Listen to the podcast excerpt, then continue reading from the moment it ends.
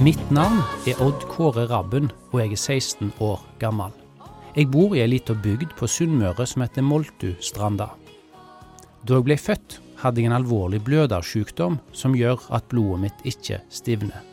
Det er for det meste blødning i ledd, og når jeg får disse blødningene, må jeg ha et blodprodukt som får blodet til å stivne.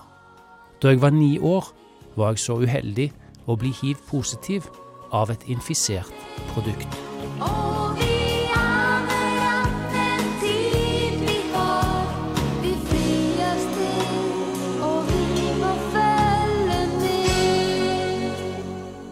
Odd Kåre Rabben skrev denne teksten i forordet til boka Ei hand å holde i. Boka ble ført i pennen av hans mor, Vigdis Rabben, og den ble utgitt rett etter at han døde i februar 1993. Gutten fra Moltustranda ble ikke eldre enn 16 år.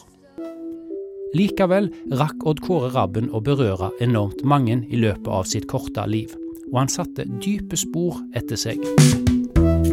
Du hører på Skeiv historie, en podkast fra Skeivt arkiv. Mitt navn er Bjørn André Vidvei. Unggutten ble for mange i Norge det aller første møtet med en hiv-positiv. Diagnosen som det var nesten en garantert dødelig utgang på den gang, nemlig aids.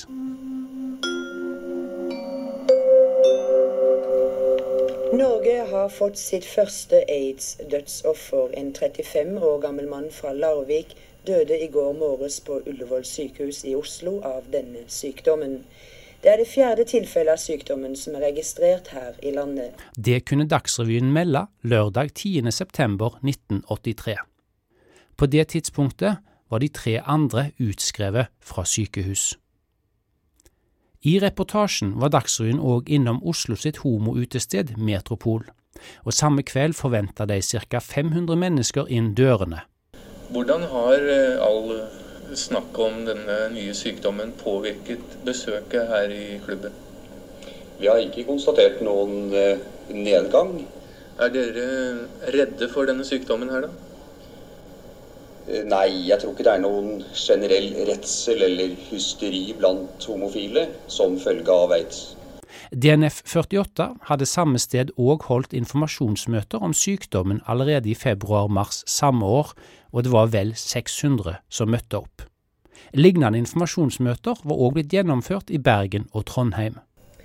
Helsedirektør Torbjørn Mork sier til Dagsnytt at homofile menn nå bør avstå fra å være blodgivere. Mork understreker at det er svært liten sjanse for at folk skal bli smittet av aids ved blodoverføring her i landet. Samtidig sa han at det var veldig liten sjanse for at noen i Norge ville bli smitta via blodoverføring. I 1983 informerte òg Institutt for blødere sine medlemmer og deres familier om sykdommen, men samtidig ble medlemmene fortalt at det først og fremst var noe som rammet folk i Afrika og USA. Det skulle ennå gå to år før en hiv-test kom på banen, og først da ble alle blødere i Norge innkalt til hiv-testing. Guttorm og Vigdis Rabben var en familie med fire gutter, hvor tre av de, Kjell, Jonny og Odd Kåre, alle var ramma av hemofili. Nest eldste sønnen Vegard var den eneste som ikke hadde sykdommen. Hemofili, òg kalt blødersykdom, rammer bare gutter og blir nedarva på morssiden. 14. mai 1985 fikk mor Vigdis vite på telefon at yngstegutten var smitta med hiv-viruset. Da var Odd Kåre bare ni år gammel. Blodproduktene med koagulerende stoff som brukes til å stoppe blødningene, hadde vært infisert. Flaskene med disse produktene hadde vært forbruksvare hos familien en årrekke. Bare tilfeldigheter gjorde at kun Odd Kåre var blitt smitta. Legen anbefalte meg å ikke fortelle det til noen, vi burde holde det for oss sjøl. Jeg følte meg som et fyrstikkhus eller et korthus. Det var bare å ta vekk det nederste kortet, så ramla alt sammen. Sånn beskriver Vigdis det sjøl i boka. Vigdis skriver òg om den sterke skyldfølelsen hun satt med som mor. Var det hun som hadde satt den sprøyten som inneholdt hiv-forurensa blodplasma på sønnen sin? Heldigvis for foreldrene spurte ikke ungene sjøl etter svar på prøvene som var tatt av de alle tre. Da hun endelig fortalte sønnen om hans hiv-positive diagnose, var det på en tur med campingvogna. Odd Kåre var da blitt tolv år gammel. Kjære Gud, jeg greier ikke å gå ned igjen, jeg klarer ikke dette her. Jeg så hvor glad Odd Kåre var fordi det var sommerferie. Jeg var kvalm og led alle slags kvaler. Allikevel måtte hun stålsette seg og fortelle sønnen om den dødelige og ikke minst stigmatiserende diagnosen. Odd Kåre, det er noe jeg må si deg, det er noe jeg må snakke med deg om. Ja, bare spytt ut.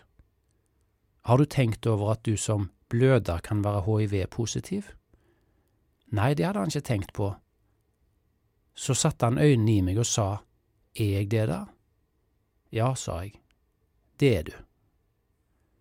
Grunnen til at det gikk tre år før mora fortalte om diagnosen til sin yngste sønn, var fordi det hadde vært viktig å gi han en god barndom, fortalte hun seinere. Det var deres behandlende lege på Rikshospitalet Stig Frøland som anbefalte de å stå og offentlig fram med sykdommen i september 1990.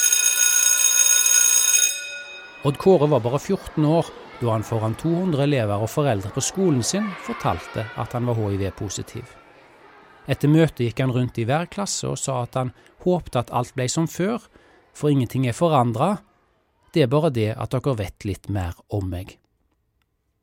Hjembygda slo ring rundt Odd Kåre og familien hans. Det strømma på med telefoner og blomster. Med å stå fram kunne de begynne å leve igjen, slippe å lyge og dekke over. Snart var Odd Kåre òg nyhetsstoff i alle landets aviser. VG kåra han til årets navn i 1991. Dere er sterke, sa folk. Det stemmer ikke. Vi sto fram fordi vi var svake og så langt nede at vi ikke makta det lenger. Slik oppsummerte Vigdis Rabben det hele sjøl. Tore Aasheim var journalist i Billedbladet Nå på begynnelsen av 90-tallet. Han fikk en spesiell nær og god kontakt med Odd Kåre og mora Vigdis etter at han lagde en reportasje om de. De mer eller mindre bodde på Rikshospitalet i lange perioder av gangen. Der var det lite privatliv, lange dager preget av sykdom og rutiner. Odd Kåre var så tynn og avmagra at noen ganger så sleit de med å finne blodårer for å sette sprøyter på han. Og da ble sprøytene satt rett i pannen. Likevel var han preget av en utrolig ro. Jeg ble så imponert over hans styrke, forteller Aasheim. Vi sa skikkelig farvel hver gang jeg var på besøk. Odd Kåre var nøye på det. Vi visste jo ikke om vi kom til å ses igjen. Men det var òg mye latter, og jeg husker hvordan Odd Kåre spurte meg om alt mulig. Han var spesielt interessert i å være journalist. Og en gang fikk jeg òg smugla en rødvin til Vigdis, som en oppmuntring og sånn at du kunne få litt helgekos, forteller Åsheim i dag. Det var òg der jeg fikk høre om drømmen Odd Kåre hadde om å besøke Disneyland i Paris før han døde. Det klarte vi å ordne, og selv om Odd Kåre ikke var i kjempeform, reiste vi. Han, Vigdis og jeg. Åsheim forteller om en spesiell tur på mange måter. Innstillingen til folk som var smitta med hiv den gang, var helt annerledes enn i dag og de var f.eks. usikre på om de skulle informere flyselskapet om at Odd Kåre var hiv-positiv. Folk tok òg kontakt med Åsheim og spurte om ikke han òg var redd for å bli smitta, siden han brukte så mye tid sammen med en som var det. Odd Kåre hadde også lyst til å besøke Eiffeltårnet når vi først var i Paris. Vi tok turen, og jeg husker jeg måtte lene meg bakover mot veggen i heisen, sånn at han kunne støtte seg opp mot meg og hvila på veien opp. Så sliten var han. Det var en sterk opplevelse å se han stå der i blesten på toppen av tårnet mens han skua utover storbyen. Han visste jo at han snart skulle dø. Da de kom til selve Disneyland, måtte de ha rullestol for at Odd Kåre skulle ta seg rundt. Det er jo så lange køer på sånne steder, men siden vi hadde en i rullestol, fikk vi slippe forbi og da kom det fra en nokså ufyselig turist, en amerikaner, at det er typisk, setter du deg i en sånn, så slipper du forbi køen. Odd Kåre ba stoppe opp og spurte på perfekt engelsk om amerikaneren hadde lyst til å bytte plass med han. Da ble det stille. Odd Kåre døde 18. februar 1993 hjemme i sin egen seng på Sunnmøre. Åsheim ble bedt av sin redaktør om å skrive nekrologen på vegne av Nå. Han fikk beskjed om å skrive tekst lang nok til ca. ei side, men teksten ble for lang, og nekrologen ble på to sider.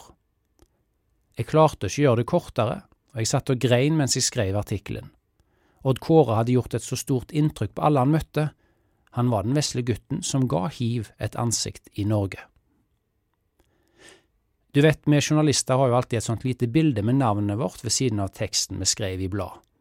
Etter at bladet kom i salg, opplevde jeg at folk stoppa meg på gata og takte meg for det jeg hadde skrevet om han. På London pub kom folk bort til meg, ga meg en klem og grein. Det sier litt om hvor viktig Odd Kåre sin åpenhet var, avslutter Åsheim.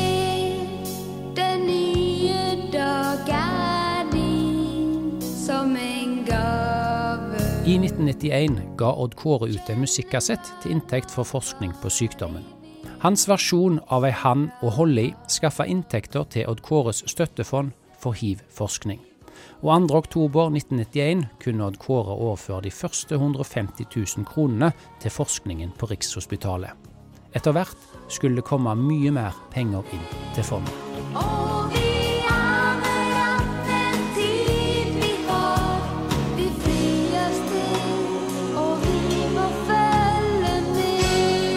Ble òg tildelt Plussprisen i 1991, og i februar 1992 fikk han møte kongen og dronningen på Slottet. Et møte som gjorde sterkt inntrykk òg på de kongelige. Dronning Sonja oppfordra senere Vigdis Rabben til å fortsette jobben med å informere om og å bygge ned fordommer mot sykdommen. Rabben skrev boka Ei hand å holde i om sin sønn og hans sykdom rett etter han døde. De første 50 000 eksemplarene ble revet vekk fra bokhyllene på bare noen få uker. Hun fortalte i et intervju med Blikk i november samme år at hun med boka òg ville vise baksiden av medaljen. Den modige unggutten som sleit med et hopetall infeksjoner. Ikke bare den sterke gutten som stilte opp til all verdens intervjuer og samla inn to millioner til aids-forskning. Odd Kåre mista ungdomstida. Han gikk rett fra å være barn til å måtte takle en voksentilværelse med alvorlig sykdom. De syv årene Odd Kåre fikk leve mellom smittetidspunktet og dagen han døde, var en kamp ikke mot det uunngåelige, men en kamp for å leve mest mulig på kortest mulig tid, sa Vigdis Rabben sjøl i et intervju med Hiv Norge i 2017, året før hun sjøl døde. Hun avslutta det intervjuet med at hun fremdeles tror kunnskap og kjennskap vil få ned fordommene og motvirke stigmatisering og diskriminering rundt hiv og aids. Hun syns fremdeles det var litt for lite av begge deler. Du har hørt på podkasten Skeiv historie fra Skeivt arkiv ved Universitetet i Bergen. Husk å abonnere, så får du med deg alle episodene.